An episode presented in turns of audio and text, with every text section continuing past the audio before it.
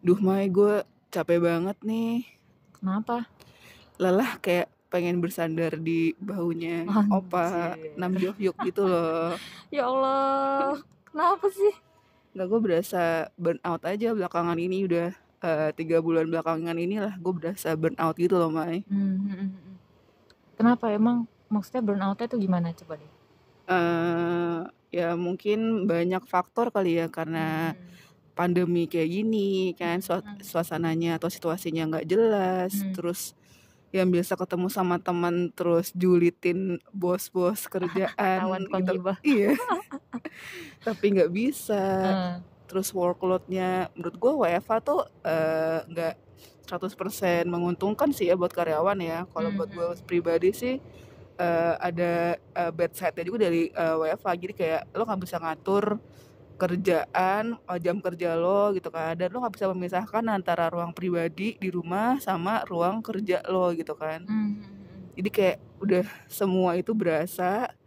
Terus gue juga eh, apa namanya eh, nggak bisa eh, traveling juga gitu kan. Soalnya kalau kita mau melepas eh, capek itu kan bisa traveling gitu kan. Hmm, hmm.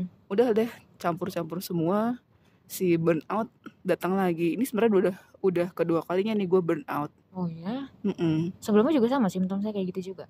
eh sama sih simptomnya gitu juga burnout bisa kalau Hmm. eh, apa namanya orang-orang yang nggak tahu burnout tuh kayak gimana sih atau cuman alasan doang sih gitu Hmm, hmm, hmm. sebenarnya eh, mungkin bisa dilihat misalnya kalau teman-teman lagi ngerasa kok tiba-tiba eh, yang ngerasa capek eh, capeknya tuh bukan cuma capek badan doang tapi juga capek pikiran Hmm. terus capek eh, hati sama capek eh, tenaga yang mana lo nggak bisa berfungsi secara normal Hmm, hmm, hmm. gue sih ngerasa kayak misalnya eh, gue harusnya ngerjain tugas atau ngerjain project gitu tapi gue nggak bisa buka laptop karena gue ngerasa kayak capek banget gitu loh Iya, kayaknya aduh udah adu-adu aja kerjaan kan pasti Mm, kalau misalnya mau mulai itu. mm. gue nggak bisa buk gue nggak bisa lihat laptop sampai buka laptop. Dan gue juga sampai eh, nggak bisa buka WhatsApp dan balas Oh, WhatsApp orang gitu loh. Oh sampai gitu. segitunya. gue burnoutnya. Ini Hmm, ini terparah sih sebenarnya kalau menurut gue. Hmm, hmm, hmm. kayak gitu. Sama sih sebenarnya. Gue juga pernah ya yang mirip-mirip sih sebenarnya. Dulu pernah juga Mhm, burnout banget gue. Mhm, eh pas kerja tuh memang sampai udah saking capeknya tuh setiap mau tidur udah malam nih gue harusnya tidur. mhm, tapi kayak gue nggak mau tidur gitu loh. Hmm, jadi capek udah capek rasanya udah mulai ngantuk udah mulai capek tapi gue kayak nggak mau tidur. Karena gue tahu eh the next day gue nutup mata pasti sebentar lagi gue akan buka mata dan itu udah mhm, pagi gue harus pergi kerja lagi gitu. Mhm, di mana gue kayak udah ogah-ogahan gitu kerjanya eh jadi hasilnya pun jadi makin capek akhirnya. Udah gitu apa ya jadi jadi kayak banyak ngeluh sendiri juga gitu. Aduh kenapa sih kayak gini? Aduh kenapa sih kayak gitu? Gitu emosi juga jadi nggak stabil. Itu gara-gara salah satunya gara-gara burnout. Kayaknya eh, ya capek capek banget sih emang bener jadinya. Hmm, gitu ya. Hmm. Terus eh lo sendiri apa namanya untuk cara ngehealing burnout itu gimana sih Mai? Gue butuh saran deh dari lo. Kalau gue sih ini sebenarnya setiap orang pasti beda-beda ya. Mm-mm. cuman kalau gue dulu memang eh dari pengalaman gue sendiri kalau gue akhirnya gue ambil pay- unpaid leave waktu itu. Jadi gue memang gue pikir gue butuh bener-bener nggak mikirin yang namanya kerjaan sama sekali. Akhirnya eh setelah pemikir apa namanya berpikiran panjang pikir panjang akhirnya gue pikir ah udahlah eh nih alhamdulillah gue masih punya paling nggak sebulan dua bulan gue masih punya tabungan nih buat gue istilahnya hidup lah tanpa penghasilan misalnya. Terus kalau gue ambil sekitar sebulan dua bulan gue bisa apa namanya eh, heal ap- apa ya kayak mulai membaik pelan-pelan Mm-mm. slowly gitu. Terus gue bisa traveling tanpa sama sekali mikirin kerjaan. Kenapa? Karena dulunya pun gue pernah misalnya ambil cuti eh ambil cuti se hampir dua minggu tapi itu pun selama dua minggu itu gue diganggu kerjaan terus gitu. Jadi Hmm. akhirnya gue nggak bisa terlalu enjoy sama eh traveling gue di yang seharusnya gue traveling buat refreshing yang ada tetap aja gue capek gitu tetap aja gue stres sama kerjaan gitu. Jadi rugi sih sebenarnya jadinya. Makanya akhirnya udahlah gue juga udah kayaknya udah nggak kuat nih lama-lama gue udah bertahan lama masih tadinya bimbang-bimbang gue mendingan uh, keluar aja apa enggak ya keluar aja apa Hmm. enggak resign aja apa enggak ya segala macam akhirnya gue memutuskan udah ya udahlah untuk kerjaan lain Bismillah eh, gue coba cari. Pokoknya kalau cari insya Allah kita usaha usaha doa insya Allah pasti ada gitu. Gue udah tekad itu akhirnya gue tekad gue ambil unpaid leave gitu. Dan alhamdulillah sih waktu akhirnya gue dapat unpaid leave dua bulan. Dua bulan eh dari situ gue bener-bener santai bener-bener apa pelan-pelan tuh udah mulai-mulai lebih refresh apa lebih fresh lagi lah jadinya otak gue Mm-mm. dan akhirnya waktu terakhir gue juga eh traveling akhirnya dan traveling itu gue saat itu mm, eh, pertama kali juga Mm. gue traveling sendiri Mm-mm. jadi kalau bahasa Jepang apa ya namanya hitori tabi Mm-mm. hitori tabi gue udahlah gue pengen coba ke Jepang gue masih ada tabungan juga gue ke Jepang sendiri gue jalan-jalan sendiri. Itu bener-bener tanpa ngurus tanpa mikirin apa pun selain diri gue sendiri di situ gitu. Gue fokus sama diri gue sendiri sama jalan-jalan gue menikmati pemandangan dan lain-lain semuanya di sana. Itu sih bener-bener ngebantu banget sama proses healing gue waktu itu gitu. Jadi begitu dan alhamdulillahnya juga ternyata eh apa ya gue rasanya kayak dibantu aja sama Allah. Gue dikasih langsung kerjaan lagi gitu. Akhirnya setelah dua bulan gue langsung masuk kerja lagi. Itu pun fresh banget jadinya gitu. Alhamdulillah sih gue bersyukur waktu itu gue ngambil keputusan itu gitu. Karena sebelumnya udah sekitar lima tahun lebih hampir enam tahun. Eh eh, lima tahunan ya kira-kira. Gue bertahan terus. Tapi selama lima tahun itu kayaknya gue ya itu capek terus. Emosinya nggak stabil terus eh cepet sakit dikit-dikit sakit dikit-dikit sakit. Terus apa eh sama telepon gue kayak kalau ngadepin telepon tuh langsung stres gitu. Gue kalau misalnya mau telepon orang gue jadi stres gitu. Sampai segitunya gitu. Tapi makanya akhirnya alhamdulillah banget sih waktu itu gue ambil keputusan untuk unpaid leave. Berarti eh kalau dari cara lo adalah istirahat, terus traveling gitu ya? Iya. Tapi kan masalah sekarang lagi corona, kita nggak bisa traveling ke mana-mana gitu loh. Nah, iya. Itu itu salah satunya juga bener-bener alhamdulillah gue bersyukur banget sama Allah kalau karena waktu itu gue mengambil keputusan di saat bener-bener sebelum corona itu Hmm. ada gitu. Jadi gue masih bisa traveling. Kalau setelah traveling ini emang agak membingungkan sih ya, memang. Apalagi kayaknya kalau di Jakarta khususnya mau ke mana? Kemarin mainnya cuman ke resto, ke mall, Mm-mm. nggak ada tempat lain gitu loh. Kalau kayak di Jepang kan mungkin kita masih bisa ke taman, ke mana maksudnya area terbuka yang mungkin akan lebih eh sedikit lebih aman lah daripada kalau kita di dalam kayak di dalam mall gitu.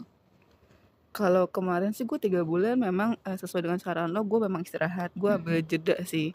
Jadi benar-benar gue ambil jeda, benar-benar gue nggak eh, sama sekali nggak ngerjain kerjaan apa pun. Hmm. eh benar-benar gue ambil waktu untuk diri sendiri untuk kontemplasi. Salah satunya dari hasil gue jeda itu, gue tuh kayak menemukan beberapa apa namanya eh, akun-akun sosial media sih yang bisa ngebantu gitu kan. Maksudnya Oh. yang eh, bisa mengerti apa yang gue Hmm. alami sekarang, Hmm. terus gitu eh, yang memotivasi juga gitu. Jadi nggak biar eh, sendirian gitu banget loh gitu kan. Heeh, heeh, heeh. Kayak gue, heeh, jadi gue kayak buka apa namanya eh ibunda ibunda tuh kayak akun eh, sosmed gitu jadi kayak akun khusus psikologi gitu kan Hmm. kayak situ tuh kayak ada bahas eh, tentang mental health eh, juga terus itu juga kita bisa konseling juga dengan psikolog dari bunda Hmm. terus gitu ada eh, Calm namanya K A L M terus gue baru tahu ada aplikasinya juga Oh, jadi gitu. kita bisa eh, apa namanya eh, pilih atau kontak psikologi eh, psikolog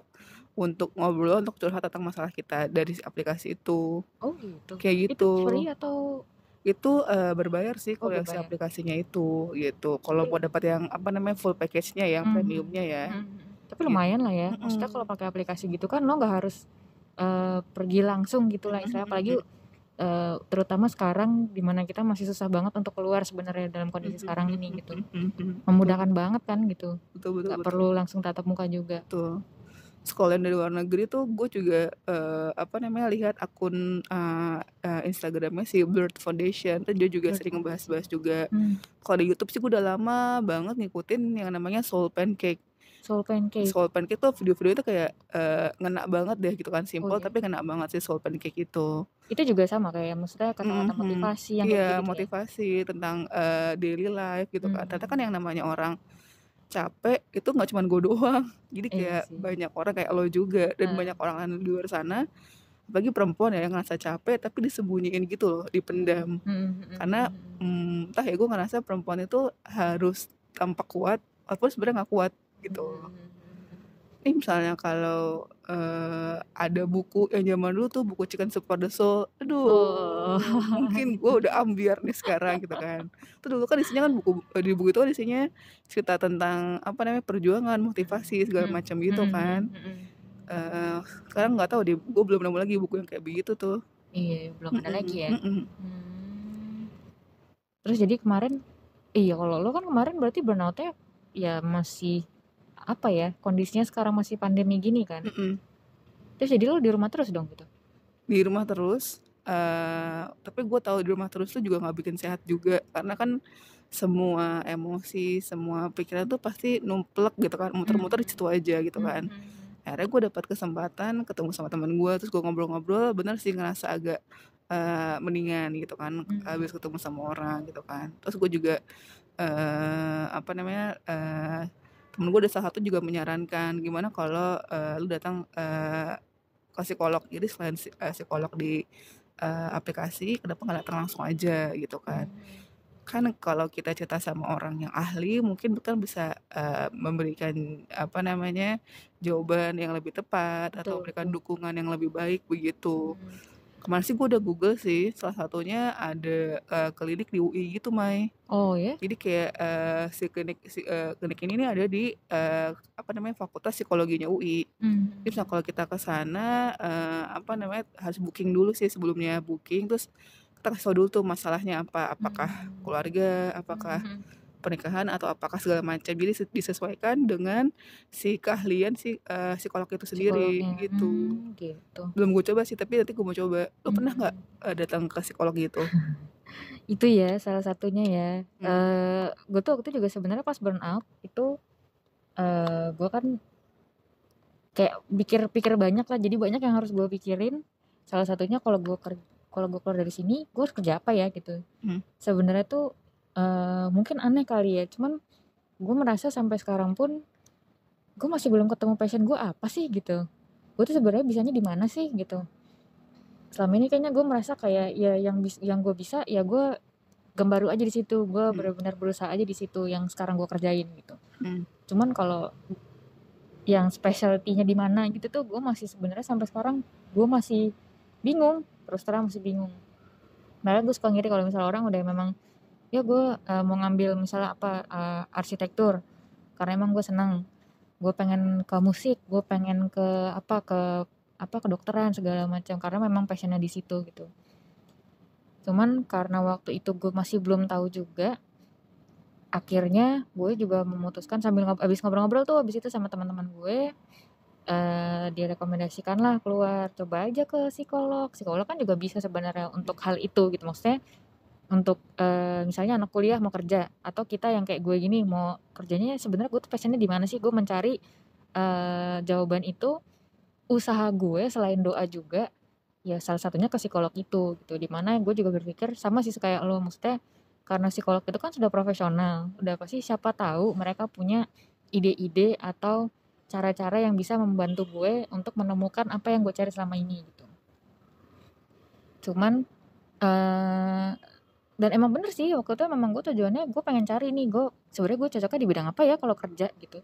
Cuman itu gue ke psikolog. Saya bukan karena bukan karena hal lain gitu bukan karena gue gila atau apa gitu. Cuman memang sekarang eh, apa ya yang bikin gue kayaknya kenapa ya masih kayak gini gitu. Itu soalnya tuh eh, ada beberapa orang yang begitu tahu gue ke psikolog langsung anggapan mereka Yumi kok stres banget ya emangnya ya? Gitu. Hmm, enggak juga sih sebenarnya. Kayaknya maksudnya tuh jadi kayak Mm-mm. stigmanya tuh gimana ya? Kalau ke psikolog berarti udah parah banget orang Heeh, gitu ya. kalau ke psikolog berarti lo udah mau gila bentar lagi gitu loh. Padahal sebenarnya kita konsultasi itu kan macam-macam. Betul. psikolog itu bukan cuman karena lo udah mau gila atau lo udah stres banget kayak apaan tahu tapi kan juga maksudnya macam-macam mau minta arahan atau apa gitu. Tapi kenapa ya gitu masih kayak gitu Mm-mm. sekarang gitu kayaknya anggapannya masih eh masih jelek aja gitu kalau kita ke psikolog padahal sebenarnya banyak juga orang-orang kan yang struggling juga ya sama sama mental healthnya dia betul gitu. betul dan nggak semua orang eh, bisa cerita bisa bebas cerita ke orang lainnya walaupun tuh teman dekatnya sendiri walaupun itu eh, keluarganya gitu kan. belum tentu semua orang bisa cerita gitu kan bisa mengeluarkan semua muanya yang yang selama ini jadi eh, apa namanya jadi eh, beban pikiran dia Hmm, gitu jadi eh, kan dengan adanya psikolog itu bisa jadi dia punya cara-cara Hmm. punya how to-nya bagaimana si pasien itu bisa bercerita Hmm. kemudian eh, apa namanya dukungan seperti apa yang bisa diberikan Iya. begitu Hmm, Cuma stig- stigmanya memang masih belum oke sih di masyarakat kita ya kalau ke psikolog gitu ya. iya masih kayaknya tuh anggapannya kalau lo sampai ke psikolog berarti lo stres lo udah mau gila terus eh, berarti lo nggak agama lo masih kurang gitu Betul betul. salah satunya itu gitu eh apa dianggapnya buang-buang uang Mm-mm. atau dianggapnya eh, lo nggak bener agamanya dan lain-lain padahal sebenarnya kalau gue sih mikirnya ya kita eh, memang harus minta sama sama Allah gitu sama Tuhan itu salah satunya memang yang harus kita lakukan kita berdoa kita minta tapi kan bukan cuma minta aja tapi kita nggak jalan gitu Hmm, maksud betul. gue salah satu usaha kita adalah kita ke psikolog atau kita siapa ke ke teman-teman cerita atau ke mana gitu Betul. itu adalah salah satu usaha kita juga ya sama aja kayak kita kerja kalau minta doang minta aja Mm-mm. ya nggak akan ya nggak akan Betul. dikasih kalau kita kitanya nggak usaha jalan juga, ikhtiar iya juga gimana cara ngobatinnya gitu ya. Benar. gitu. makanya gue pernah juga apa namanya baca. Jadi salah satu eh, apa namanya eh artikel dari Dr. Kodi hmm, itu de, eh, beliau tuh ustadz sekaligus eh, profesor di eh, luar negeri gitu. Bah, beliau bilang yang namanya mental health itu tidak bisa dihubungkan dengan agama sih, dengan ibadah kita gitu. Itu udah dua hal yang berbeda. Jadi hmm, bukan berarti orang yang eh, soleh, solehah banget tuh gak mungkin gak depresi gitu, gak mungkin gak stres gitu kan. hmm, Itu eh, malah mungkin banget gitu kan. Karena kan memang eh, apa namanya tidak ada hubungannya antara eh, kita kuat beribadah banget sama yang namanya si eh, eh, apa namanya mental health mental itu health iya kayak gitu. Ah.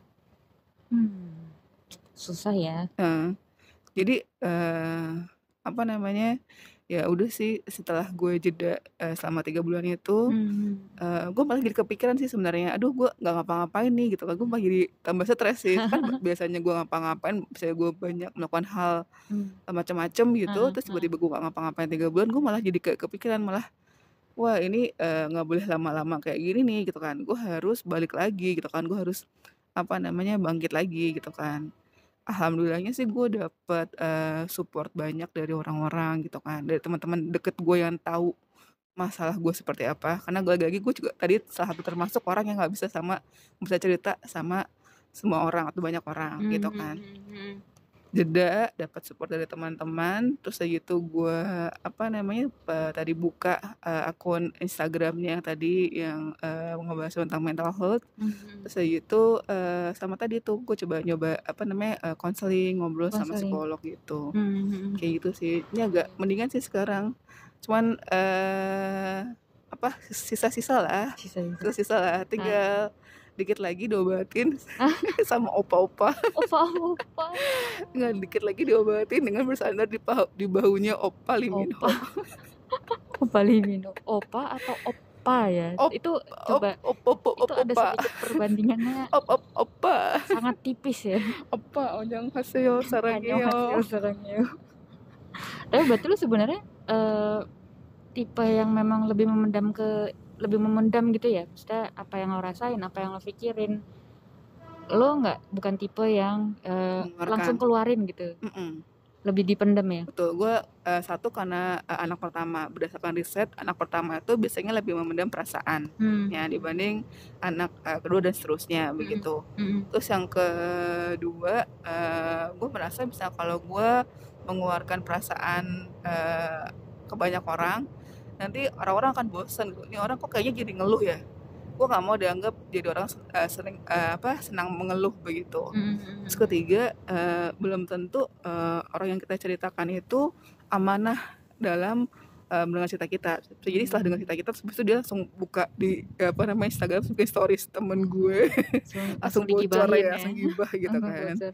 Terus keempat sih, uh, gue juga gak mau sering cerita sama orang. Kenapa? Karena gue takutnya cerita gue ini malah jadi emotional burden gitu loh buat orang. Jadi Mhm. temen gue jadi kayak ngerasa ngebeban denger cerita gue gitu kan. Jadi lebih Mhm. baik gue uh, pendam dan nggak gue lepas semua gitu loh gitu. Wah, parah banget deh. Lu sendiri Kok gimana? sama sih sama gue? Oke kita cocok ya.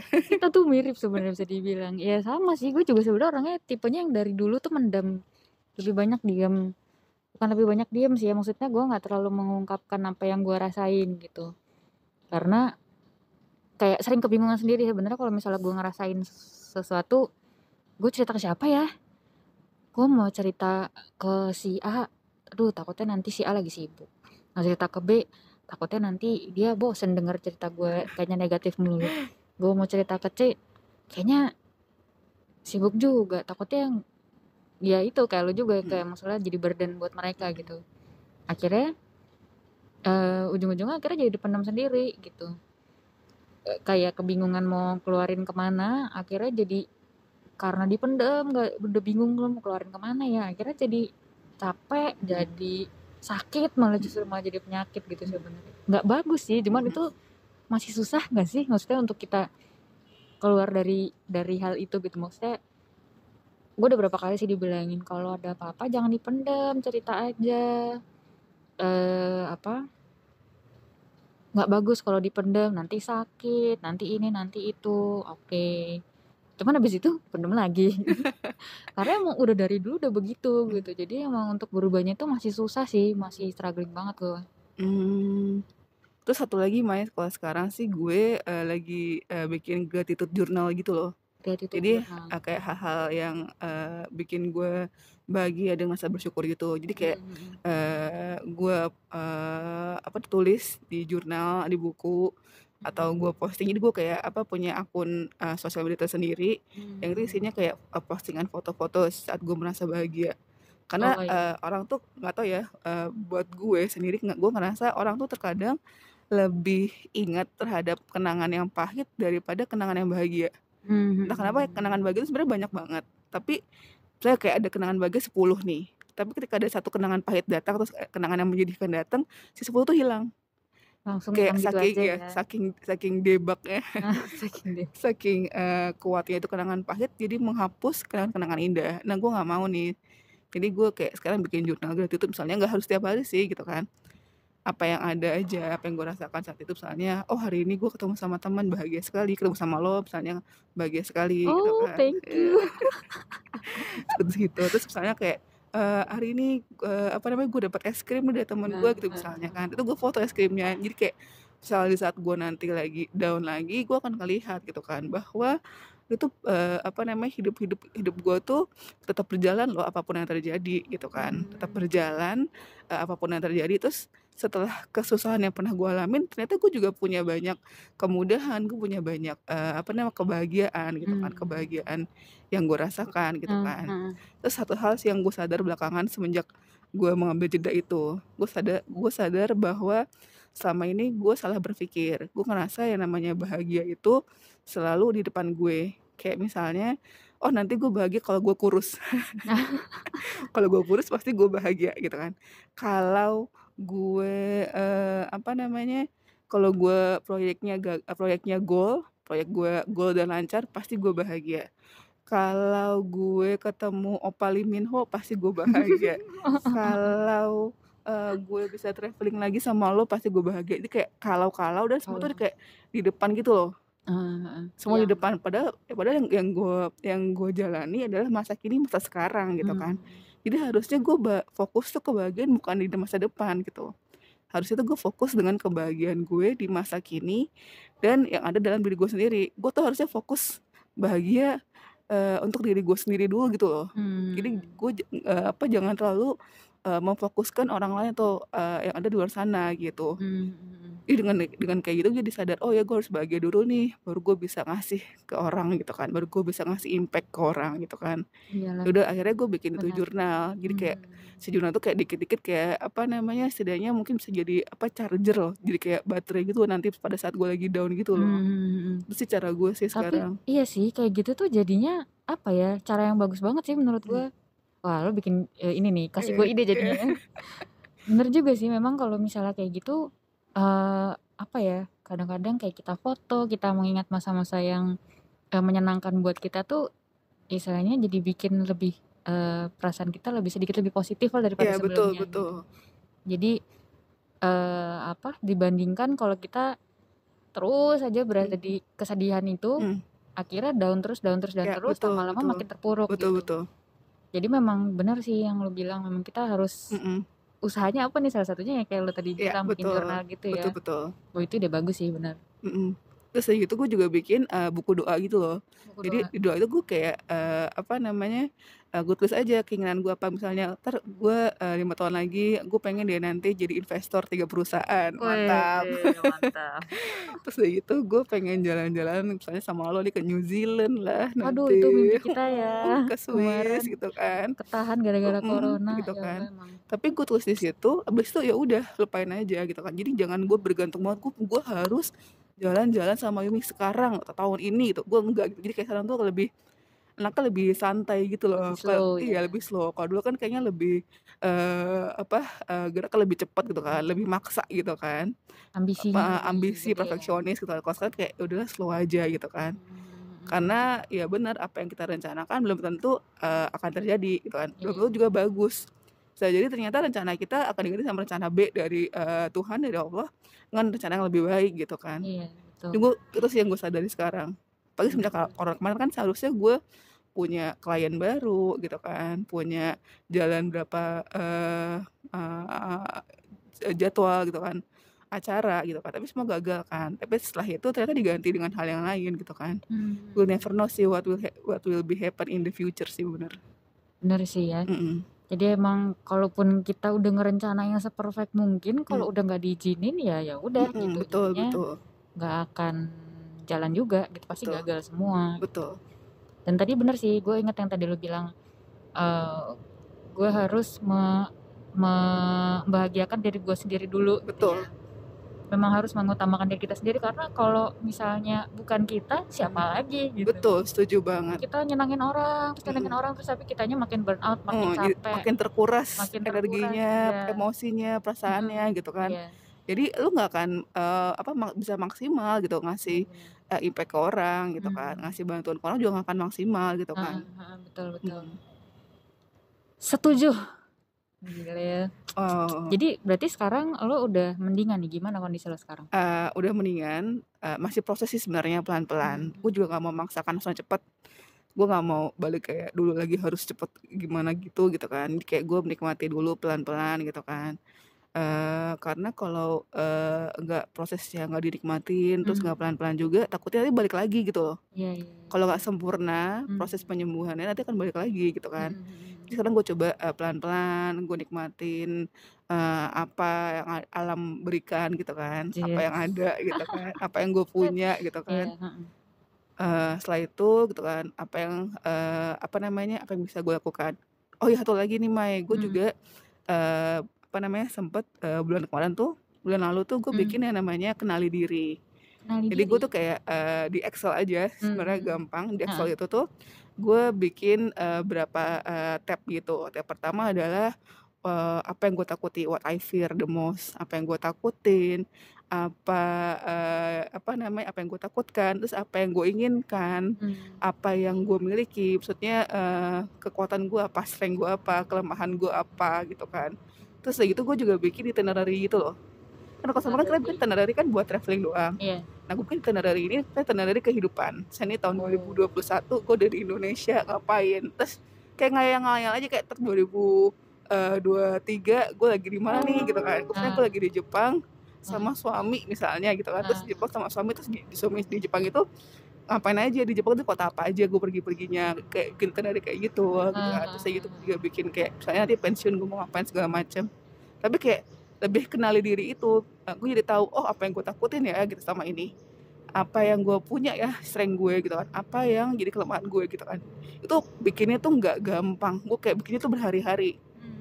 Karena kayak gue oh gue baru tahu ternyata kelemahan gue ini loh gitu terus gue baru tahu ternyata kekuatan gue ini gitu kan. Jadi kayak gue gali diri gali gali gali gali diri sendiri gue gitu kan. Akhirnya sampai gue bisa mengenali oh ternyata ini diri gue gitu Iya bagus ya kalau kayak gitu sebenarnya jadi lo ngenalin diri lo sendiri pelan-pelan tuh lo ngenalin Ya. oh ternyata kekurangan gue ini loh kelebihan Yes. gue ternyata ini eh dari situ jadi lo bisa eh, mengenal diri lo sendiri lo bisa mencoba untuk gimana caranya nih supaya kekurangan gue bisa gue balikin jadi Betul, kelebihan gue betul, betul, atau betul, betul. lo mengantisipasi si kekurangan bener itu banget sendiri. bener banget bener banget dia kayak mengantisipasi eh, apa namanya hal-hal yang tidak gue inginkan gitu kan atas Mhm. Hal-hal yang gue takutkan tadi gitu kan. Jadi gue kayak lebih persiapan gitu loh. Ah, kayak gitu sih. Mantap Bu Ayu. Mantap. Berusaha bu. Bersembuh bu. Betul betul betul. Lo harus usaha benar. Kita semua Hmm. harus usaha. Memang gak cuma berdoa aja ya. Iya betul. Betul sekali. Aduh jadi mudah-mudahan ya. Iya. semoga eh, mental health ini makin orang makin sadar sebenarnya mental health ini bukan eh, hal yang sepele karena Mm, bukan cuma orang tuh ngasih alasan eh gue mental health lo gitu. Mm. enggak. Iya, kalau ada orang bilang sama lo aduh gue mental health gue burn out gue depresi gue anxiety gitu kan. Itu beneran Hmm. itu nggak alasan gitu Iya. kan. lo jangan kayak alah lo manja alah lo tukang ngeluh gitu. Enggak gitu kan. Hmm, satu-satunya hal yang bisa lo kasih ke teman lo adalah dengerin. Hmm, betul. nggak usah lo komentarin dengerin aja gitu kan. Sebenarnya yang mereka butuhkan adalah didengerin gitu Dengerin, orang ah. itu kayak gitu Ah, dan habis didengerin jangan lo gibahin lagi ke orang lain apalagi ya kalau misalnya orang terutama kayak orang kayak kita nih kalau Hmm. misalnya kita cerita ke orang terus eh, ternyata responnya Mm, ah lu sih makanya jangan kayak gitu mm. atau malah justru kita jadi salahin Mm, dijudge gitu kan dijudge jadinya terus Hmm, pengen ditabok ya salah gitu. sendiri kenapa lu begitu gitu atau Mm. Ya ya gitu doang. Masa kayak gitu sih mm-mm. gitu. Kalau nggak kuat sih gitu. Nah, itu Mm. malah justru mak- makin bikin kita down ya kalau Betul, kayak betul. gitu. Kalau gue malah posisinya gue malah di eh, sering disalahartikan. Soalnya sering orang tuh ngira gue tuh salah. Hmm, mungkin tampilan fisik gue terlihatnya eh, kuat terlihatnya ceria di luar ya jadi ketika gue mau cerita pun gue cerita sama siapa gitu kan karena orang tuh nganggap gue udah kuat dan ceria gitu kan hmm. padahal aku tuh rapuh Oh, rapuh. jadi Fragile. iya gitu kan jadi ketika orang yang kuat sebagaimanapun terus dia akhirnya cerita sama lo tuh hargain gitu loh bahwa dia eh, akhir bahwa itu artinya dia tuh percaya sama lo bahwa orang kuat itu tuh percaya sama lo gitu Hmm, untuk bercerita masalahnya gitu kan jangan lo salah artikan hmm. jangan lo wah eh, ih kok lo aneh sih kalau biasanya kuat kok lo jadi kayak begini sih aneh banget lah jangan dijudge seperti itu Hmm. jadi kalau ada orang yang tiba-tiba cerita sama lo, itu berarti dia percaya sama lo bahwa lo bisa menahan ya kan, gitu. Eh, Oh. udah Udah asar nih. asar. Ya yuk, udah. Nanti kita ketemu lagi di sesi selanjutnya ya. Dadah. Dah.